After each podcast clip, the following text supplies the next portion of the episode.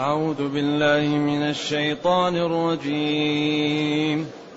بسم الله الرحمن الرحيم. يسألونك عن الأنفال قل الأنفال لله والرسول. فاتقوا الله وأصلحوا ذات بينكم وأطيعوا الله وأطيعوا الله ورسوله إن كنتم مؤمنين. إنما المؤمنون الذين إذا ذكر الله وجلت قلوبهم وإذا تليت عليهم آياته زادتهم إيمانا وعلى ربهم يتوكلون الذين يقيمون الصلاة ومما رزقناهم ينفقون. أولئك هم المؤمنون حقا. لهم درجات عند ربهم ومغفرة ورزق كريم.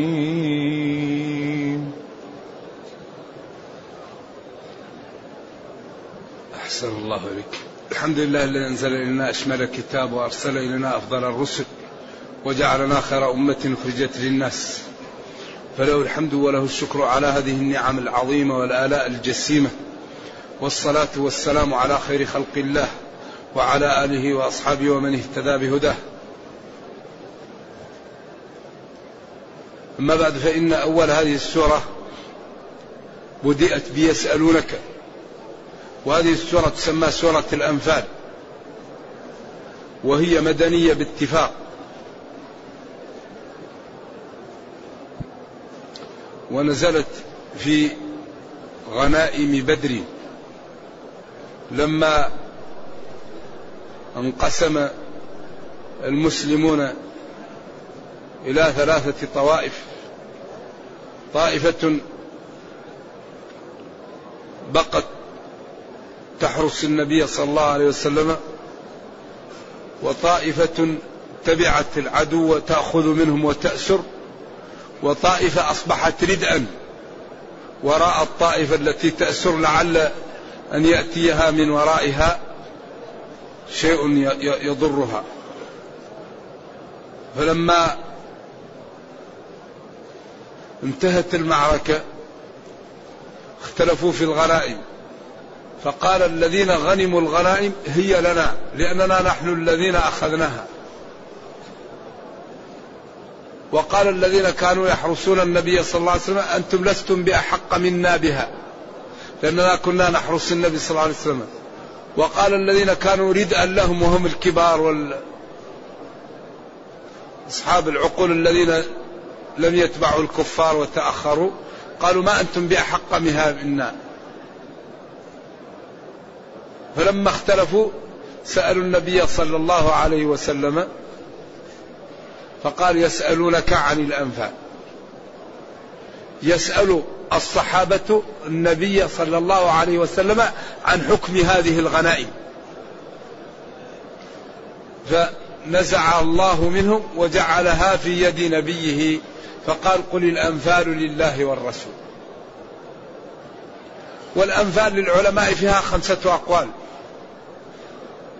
منهم من قال الأنفال هي الفيء ولذلك ما شذ من من من مال الكفار للمسلمين من غير أن يتعبوا عليه. وقيل الأنفال هو ما ينفله النبي صلى الله عليه وسلم مما هو زائد عليه على حق الغزاة وقيل الأنفال هو ما يعطيه النبي صلى الله عليه وسلم من الخمس للغزاة.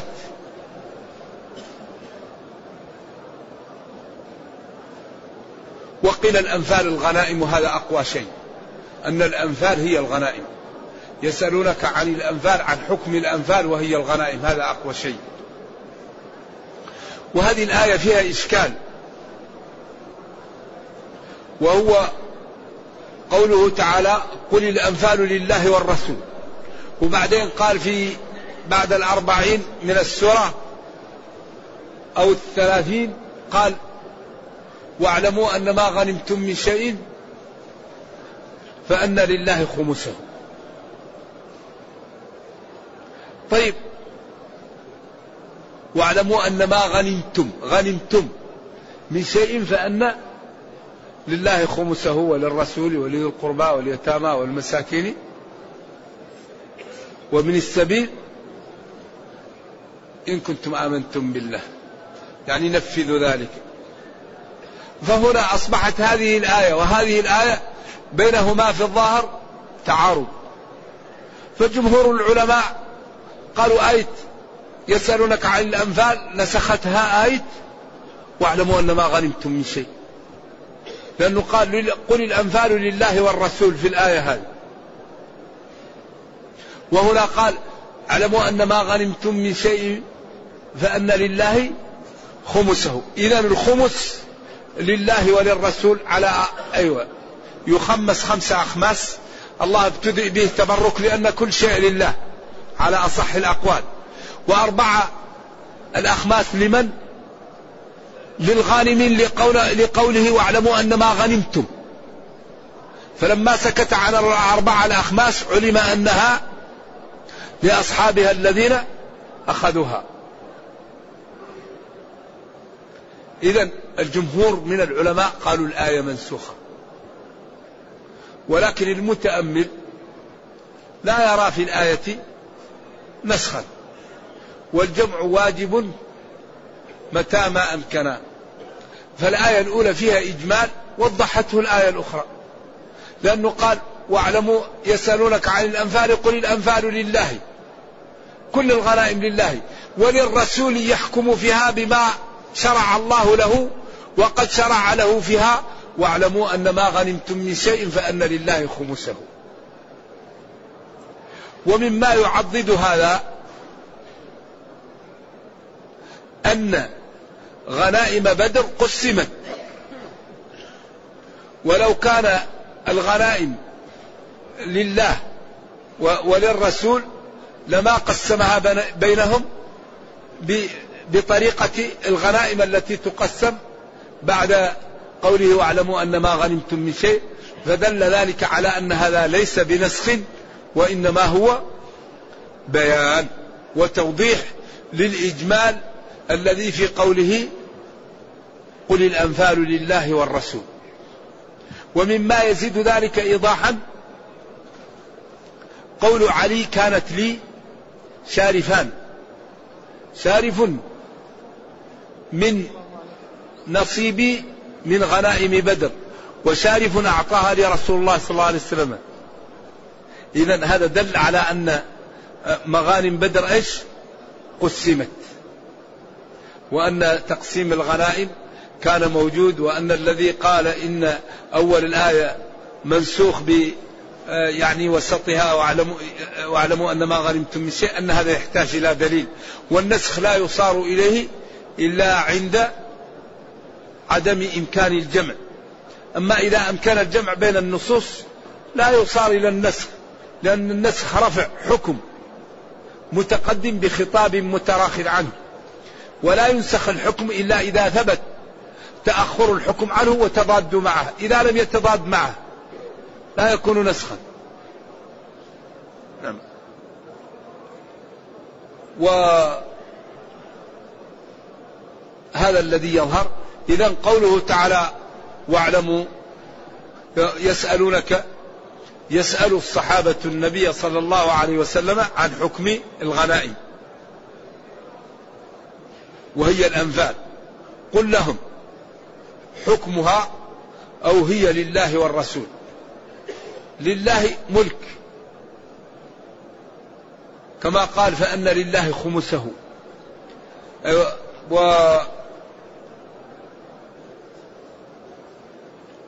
والرسول يحكم فيها بما بين له ربه وقد بين له أنه يقسمها أربعة أخماس للغانمين للفارس سهمان وللراجل سهم. وقيل سهمان لفرسه وسهم له. نعم. وهذا معنى قوله يسألونك عن الأنفال. والأنفال الصحيح أنها الغنائم والأقوال الأخرى واردة لكن النفل هو الزيادة أصلا. إن تقوى ربنا خير نفل يعني ونافلة لك من دون المؤمنين أي زيادة. ويسمى ولد الولد نافلة. ومن النافلة زيادة على الفريضة. قل لهم يا نبي الأمثال لله والرسول. لله ملكا وللرسول يحكم فيها بما شرع الله له. إن كنتم آمنتم بالله. إن كنتم إن كنتم مؤمنين. إن هنا بعضهم يقول إذ البصر. الكوفيون. وبعضهم يقول هي للإلهاب للتحميس. أي إن كنتم مؤمنون فنفذوا ما يقال لكم. وقيل إذ كنتم مؤمنين. أيوة. وهذا الأولى أن إن كنتم مؤمنين أي فنفذوا ذلك.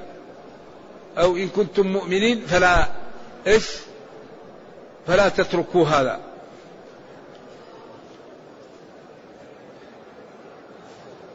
إنما المؤمنون. طيب هنا قال يسألك يا نبي الصحابة عن حكم الأنفال. قل لهم الأنفال لله ملكا ولرسوله يحكم فيها بما شرع الله له. إن كنتم مؤمنين فاقبلوا ذلك ونفذوه. فاتقوا الله وأصلحوا ذات بينكم وأطيعوا الله ورسوله. فاتقوا الله يعني اجعلوا بينكم وبين عذاب الله وقاية بامتثال أوامره وباجتناب نواهيه. وأصلحوا ذات بينكم. ذات بينكم من من الأساليب الجميلة. وأصلحوا الحالات التي تكون بينكم. حالة المحبة حالة المودة حالة الثقة حالة لا سمح الله الكراهية البغضاء التقاطع الحالات التي تكون بين الناس اصلحوها اجعلوها على أحسن حال. لذلك قال وأصلحوا ذات بينكم. يعني الأمور التي تكون بينكم اصلحوها. فلا تتقاطعوا لا تتكارهوا لا تتباغضوا لا تتحاسدوا لا تتظالموا. كل ذات وأصلحوا الأحوال أو الحالات التي تكون بينكم ولذا عبر بذات. ما يكون بينكم؟ اصلحوه. لأن كل واحد كان يتوق للغنيمة والحال صعب فنزعت منهم جميعا. فكأن النفوس حصل فيها شيء فالله قال لهم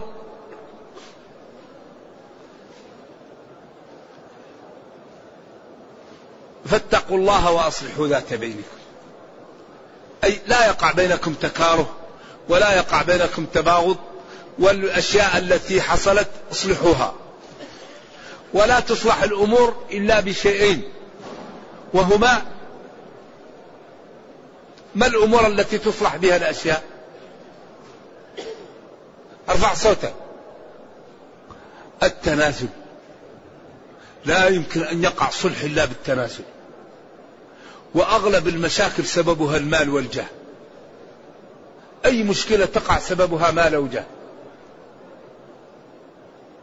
فإذا تنازل بعضنا عن بعض بجزء من ماله وبجزء من جاهه جاءت بيننا الألفة والمحبة وإذا كان كل واحد منا يريد أن يوفر ماله وجاهه ولا ينقص شيء لإخوانه فستقع بيننا النفرة والكراهية إذا اتقوا الله وأصلحوا ذات بينكم الحالات والخلائل التي تكون بينكم بالتنازل عن شيء من المال وعن شيء من لا يزورك تزره لا يحترمك تحترمه. إذا جلست لا يوسع لك في المجلس وسع له في المجلس. لا يبش في وجهك بش في وجهه. لا يعطيك أعطيه. لا يتنازل عنك تنازل عنه. ولذلك وأصلحوا ذات بينكم. هذا الإسلام دين رائع الحقيقة ما رأيت أجمل منه ولا أنجع ولا أنفع. ولذا لو تأملت الآن أي مشكلة تجدها سببها مال أو جاه. كل المشاكل سببها المال والجاه. الصحابة يختلفون كلهم يحب الثاني ويحترمون بعض. لكن المشاكل إذا كانت بالمال والجاه هي اللي إصلاحها صعب. ولذلك أرينوا شخصا مات وترك ثروة كبيرة إلا تجد الورثة حصلت بينهم فتن وتقاطع وخصائم. بسبب ماذا؟ المال. دائما الناس إذا كان بينها تنافس تجد بينها دائما لذلك كثير من الناس عياذا بالله منع من الإسلام بسبب الجهل.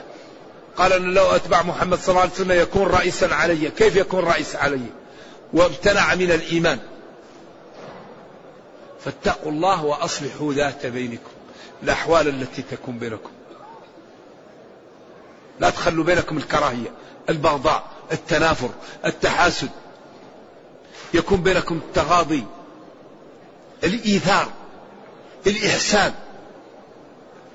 أيوة اصلحوا ذات بينكم. فهو أن تبتعدوا عن الأمور المضرة وتنفذوا الأمور المفيدة. لذلك هذه السورة هي السورة التي فيها حل مشاكل الأمة الكبيرة. يعني موارد الضعف للأمة بسبب أوامر معطلة في هذه السورة ونواهي منتهكة. شوف وأعدوا لهم. ولا تنازعوا فتفشلوا وتذهب ريحكم. نواهي منتهكة وأوامر معطلة في هذه السورة هي التي سببت للأمة التقويض. لذلك هذه السورة كالمقدمة للتوبة. هي مقدمة. والتوبة مثل البركان. ما جاءت فيها بسملة براءة. ولذلك هذا الدين دين سبحان الله فيه من القوة والمتانة والحسن. وحل المشاكل ما لا يعلمه إلا الله. لكن نحن نائمون. يجب أن نستيقظ وأن نأخذ هذا الكتاب بقوة. وأن نمتثله إذا يقول وأطيعوا الله ورسوله. إن كنتم مؤمنين. إذا اتقوا الله. والتقاء هو أن تجعل بينك بين بينك وبين عذاب الله وقاية بما لا بالطاعة. والمتقي لا يقاوم. الله يحمي المتقي. الله ينصر المتقي. الله يعز المتقي. الله ليس لأحد عليه سبيل. المتقي لله ليس لأحد عليه سبيل. لأن الله يقول إن عبادي ليس لك عليهم سلطان. إن تتقوا الله يجعل لكم فرقانا ويكفر عنكم سيئاتكم ويغفر لكم. واتقوني يا أولي الألباب لعلكم تفلحون. فالتقاء المتقي لا يقاوم. ولذلك اتقوا الله يعني هذا أكبر جرعة للنصر للعزة للسعادة أكبر نفع التقى. والتقى هو إذا أمرت لا تتخلف وإذا نهيت لا ترى. أو أن تجعل بينك وبين عذاب الله وقاية بترك جزء من الحلال خوف من أن تقع في الحرام. كما قيل لعمر ما التقى؟ قال للسائل أمشيت في أرض مشوكة؟ قال نعم. قال ما لا تفعل؟ قال لا أضع قدمي إلا حيث يقع بصري. قال ذلك التقى. التقى أنك لا تقدم على شيء إلا تعرف حكمه. واجب تفعل مندوب تفعل مباح تفعل حرام لا. هذا هو التقى. وأطيعوا الله ورسوله. أطيعوا الله فيما يأمركم به وينهاكم عنه. ورسوله فيما يأمركم به وينهاكم عنه لأن من يطيع الرسول فقد أطاع الله. ولذلك هذا النبي صلوات الله وسلامه عليه أعطاه الله مكانة لم يعطها لغيره. إلا أن أغناهم الله ورسوله من فضله. والله ورسوله أحق أن يرضوا. أشهد أن لا إله إلا الله وأن محمدا رسول الله. مكانا. أطيعوا الله ورسوله إن كنتم مؤمنين. ولذلك ينبغي أن نعطي لنبينا المكان التي أعطاه الله ولكن لا نزده على غيرها ولا نعطيه حقوق الله. فنحترمه ونوقره ونبجله ولا نرفع أصواتنا عليه. ولا على السنة. ونحب أكثر من والدينا وأولادنا والناس أجمعين ولكن لا نعطيه حق الله. فلا نقول إنه يعلم الغيب ولا ندعوه. ولا نقول إلا ما قال إلا ما شرع لنا هو أو أخبرنا عن, عن الله. قال لا تقولوا مثل قولكم. قال وما يدرك وأنا رسول الله والله ما يفعل بي. وقال يا عائشة إن كنت ألممت بسوء فتوبي إلى الله. حتى أنزل الله أولئك مبرؤون. إذا بعض الناس يحاول أن ينقص من النبي صلى الله عليه وسلم وهذا لا يجوز. والذي لا يحب النبي صلى الله عليه وسلم كافر. وبعض الناس يحاول أن يعطي حق الله للنبي صلى الله عليه وسلم وهذا لا يجوز. ولذلك قال يا أيها الذين آمنوا لا تقدموا بين يدي الله ورسوله واتقوا الله. أي لا تقدموا بين أوامر الله وآمر رسوله وأعملوا بما جاءكم من شرع الله. واتقوا الله ثم قال لا ترفعوا أصواتكم فوق صوت النبي ولا تجهروا له بالقول كجهر بعضكم لبعض. بعدين خوف قال أن تحبط أعمالكم والحال أنكم لا تشعرون. إذا إن كنتم مؤمنين هذا فيه عند البصريين إيهاب وتحميس. أي إن كنتم مؤمنين فنفذوا ذلك. أو إن بمعنى إذ كنتم مؤمنين وهذا مذهب كوفي. ومذهب البصري أكثر الشهرة. طيب ما المؤمنون؟ ما المؤمنون؟ فقال إنما المؤمنون. إنما أم الباب من صيغ الحصر. الذين إذا ذكر الله وجلت قلوبهم. وجلت. ييجل وييجل وياجل يوجل وياجل وييجل وييجل أربعة في مضارعها. والوجل هو الخوف الذي صاحبه رقة. إذا المؤمنون الذين إذا ذكر الله بما عنده للمجرمين وبما أعد لأوليائه ولأعدائه خافوا. خافوا أن يكونوا من المجرمين وخافوا أن لا يكونوا من المتقين. إذا المؤمن إذا ذكر بالله يخاف ويقول سمعا وطاعة. وغير المتقي إذا قلت له اتق الله يقول لك ماذا فعلت أنا؟ ويتنفرس عليك وبعدين يحاول أن يغضب. المسلم إذا قيل له اتق الله يقول سمعا وطاعة يخاف. إذا ذكر الله بما عنده للمتقين أو ذكر الله بما عنده للمجرمين أو ذكر الله بقدرته أو شمول علمه أو إكرامه لأوليائه أو عقوبته لمن عصاه وكفر به إذا ذكر الله وجلت قلوبهم. خافت ولانت. وإذا تليت عليهم آياته القرآن زادتهم إيمان. زادتهم إيش؟ إيمان. إذا الذي يقول أن الإيمان لا يزيد ولا ينقص نقول له الله قال زادتهم إيمانا. وأنتم أعلم أم الله؟ زادتهم إيمانا. إذا الإيمان يزيد وينقص كما أن البصر يزيد وينقص. الإيمان شبيه بالبصر. البصر يكون ستة على ستة ويكون ستة على ستة وتسعين. الإيمان يزيد وينقص. يزيد بالطاعة يزيد بالصدقة يزيد بالصلاة يزيد بالصوم يزيد بالعلم يزيد بالخشية. كل ما عمل الإنسان من الطاعات يزيد الإيمان. وكل ما عمل من المعاصي إيش؟ ينقص الإيمان. إذا الإيمان يزيد وينقص. تعال نؤمن ساعة. وإذا تليت عليهم آياته القرآن وحججه وبراهينه وما أعد زادوا إيمانا وانشرحوا.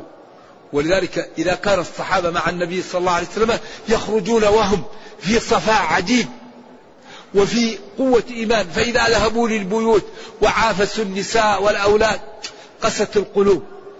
لذلك لا بد المسلم يتعود إيمانه. بذكر الله والاستغفار ويكون له جلسات في المسجد يقرأ القرآن أو يتعلم أو يقرأ كتب الرقائق. لأن هذه تلين القلب وتجعل الإنسان تسهل عليه العبادة. وأخطر ما نواجه قساوة القلوب. وأكثر ما يقسي القلوب أكل الحرام. لا يوجد شيء أخطر من أكل الحرام. أكل الحرام يقسي القلب. فإذا قسى القلب لا لا تفهم الموعظة ولا تذهب للصلاة بسرعة ولا تحب الصوم ولا تحب أن تغض بصرك ولا تحب أن تكف لسانك. لذلك أهم شيء نهتم به أكل الحلال وترك أعراض المسلمين. لأن هذه موارد تعطينا تعطينا الإيمان ترك أعراض الناس وعدم أكل الحرام. هذه أمور مفيدة للمسلم. إذا وإذا تليت عليهم آياته زادتهم إيمانا. الإيمان قول وعمل واعتقاد يزيد بالطاعة وينقص بالمعصية. لا يزني الزاني حين يزني وهو مؤمن.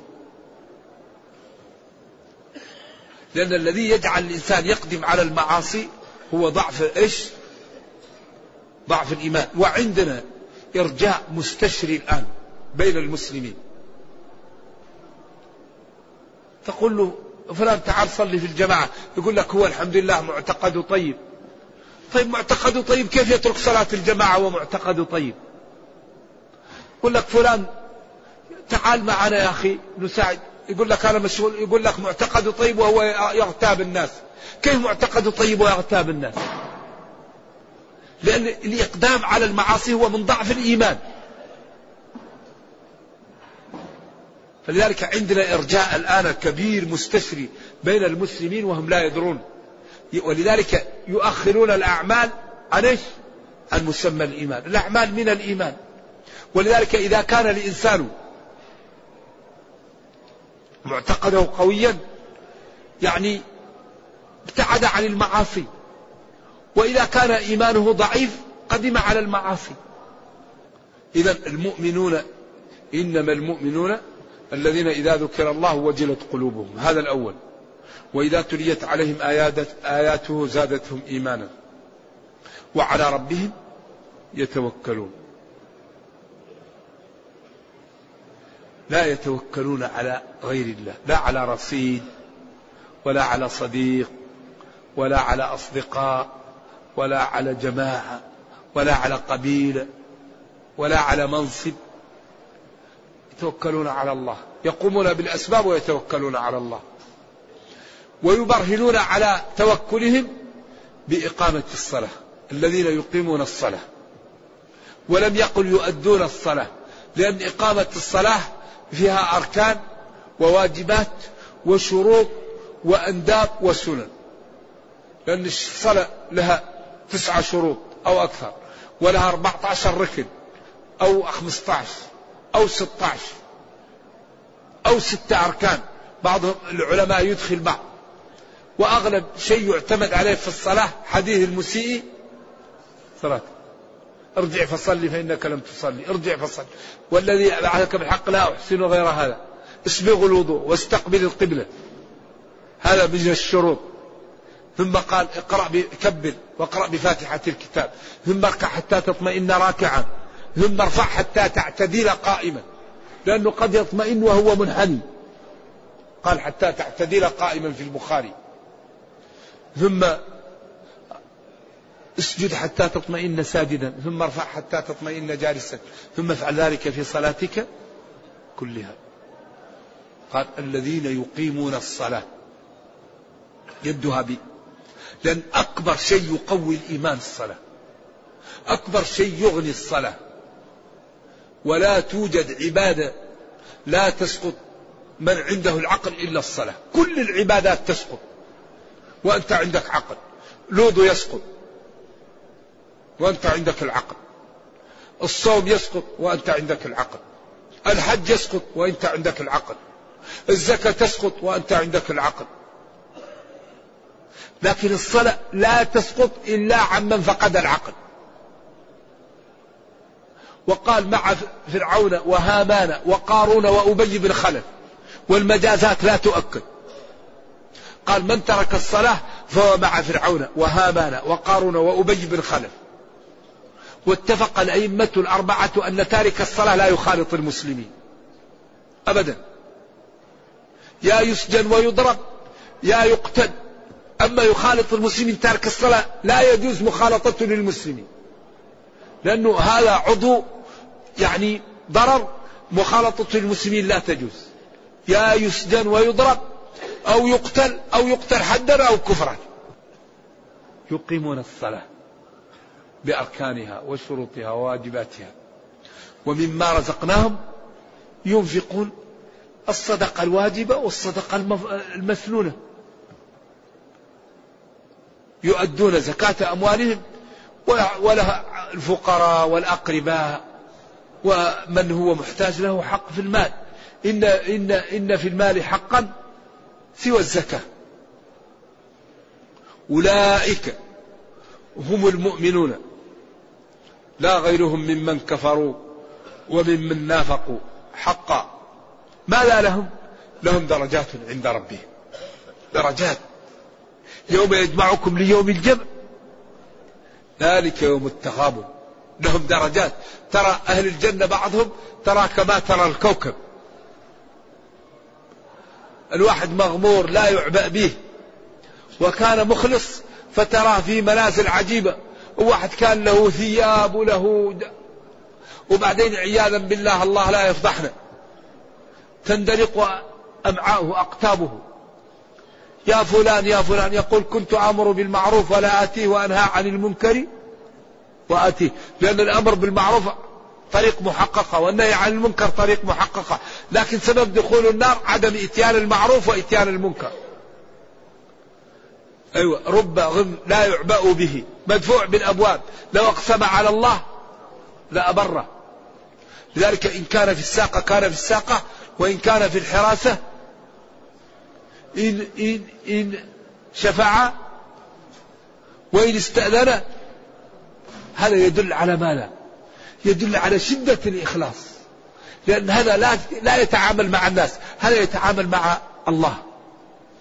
هذا نفسه أصبحت متعلقة بالجنة أصبحت متعلقة بالأجر.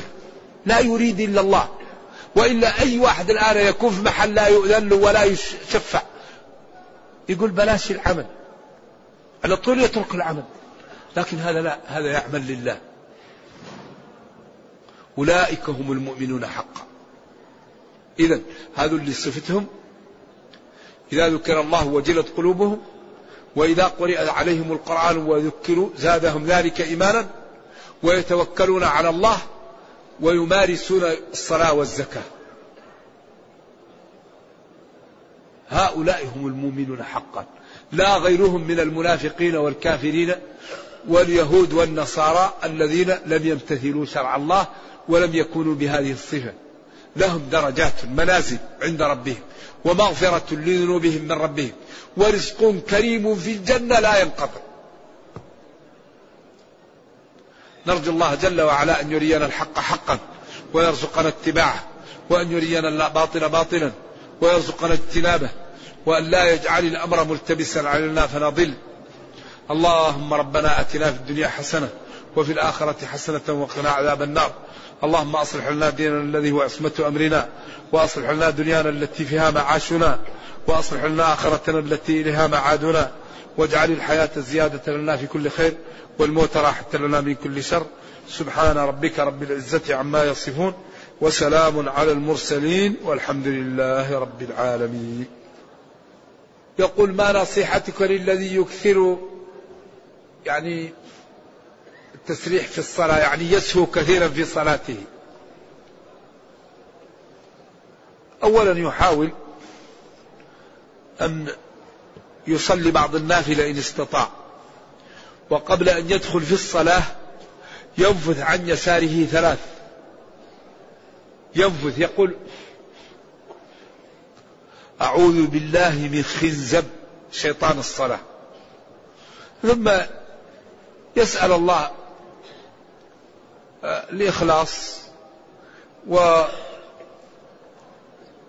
وينتبه لأن الله قال قد أفلح المؤمنون الذين هم في صلاتهم سهوا في صلاتهم خاشعون. وقال ويل للمصلين الذين هم أيوة عن صلاتهم سهوا فقد أفلح المؤمنون الذين هم في صلاتهم خاشعون. فالخشوع هذا هو الذي يجعلك تأخذ درجة الصلاة كاملة. وهذا أمر يعطيها الله لكنه أسباب.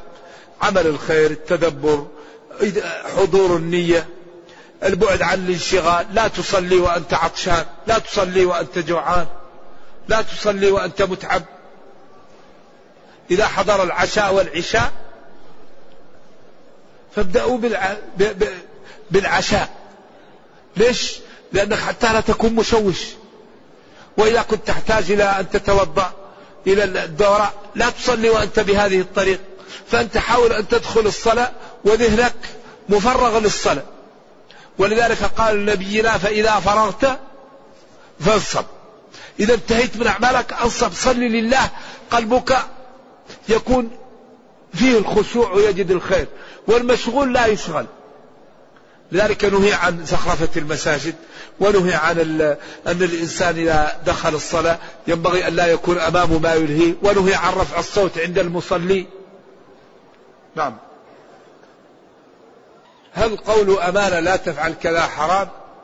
أم لا علما بأن الكثير يقول إنه حرام وجزاك الله؟ لا أعرف الله أعلم. ما الأيام التي يكون فيها الحجامة؟ الأيام كلها لله. وهذا يسأل عنه الحجامين هم الذين يعرفون هذا. أنا ما أعرف أيام خاصة للحجامة. ورد أن بعض الأيام فيها نحس وأيام فيها دم وكذا. لكن هذا يحتاج إلى دليل صححه أغلب هذا الأيام كلها لله. كان النبي صلى الله عليه وسلم يرغب أن يسافر يوم الخميس. نعم. قصة السفر يوم الخميس. نعم هذا ورد. وبعدين لكن لا أعرف هذا. ويمكن الذي يريد أن يحتجم يذهب إلى الحجامين يسألهم لأنهم يعرفون لأنهم عن طريق الخبرة. يمكن يكون عندهم علم بهذا. نعم نكتفي. شوف. يخالط بعض الأعمال شك بأن تكون رياء وغير خالصة لوجه الله. المسلم يعمل لله. لا يترك العمل لأجل الناس ولا يعمل للناس. العمل للناس شرك وترك العمل لأجل الناس رياء. المسلم يعمل لله ويسأل الله الإخلاص وقل اعملوا. والناس عاجزون لا ينفعون لك نفعا ولا يضرون عنك ضرا ولا يدفعون عنك ضرا. نعم فالمسلم يعمل لله ولا يترك العمل لأجل الناس. هذه أمسية يكفي بهذا. نعم. جزاك الله خير. أحسن الله إليك.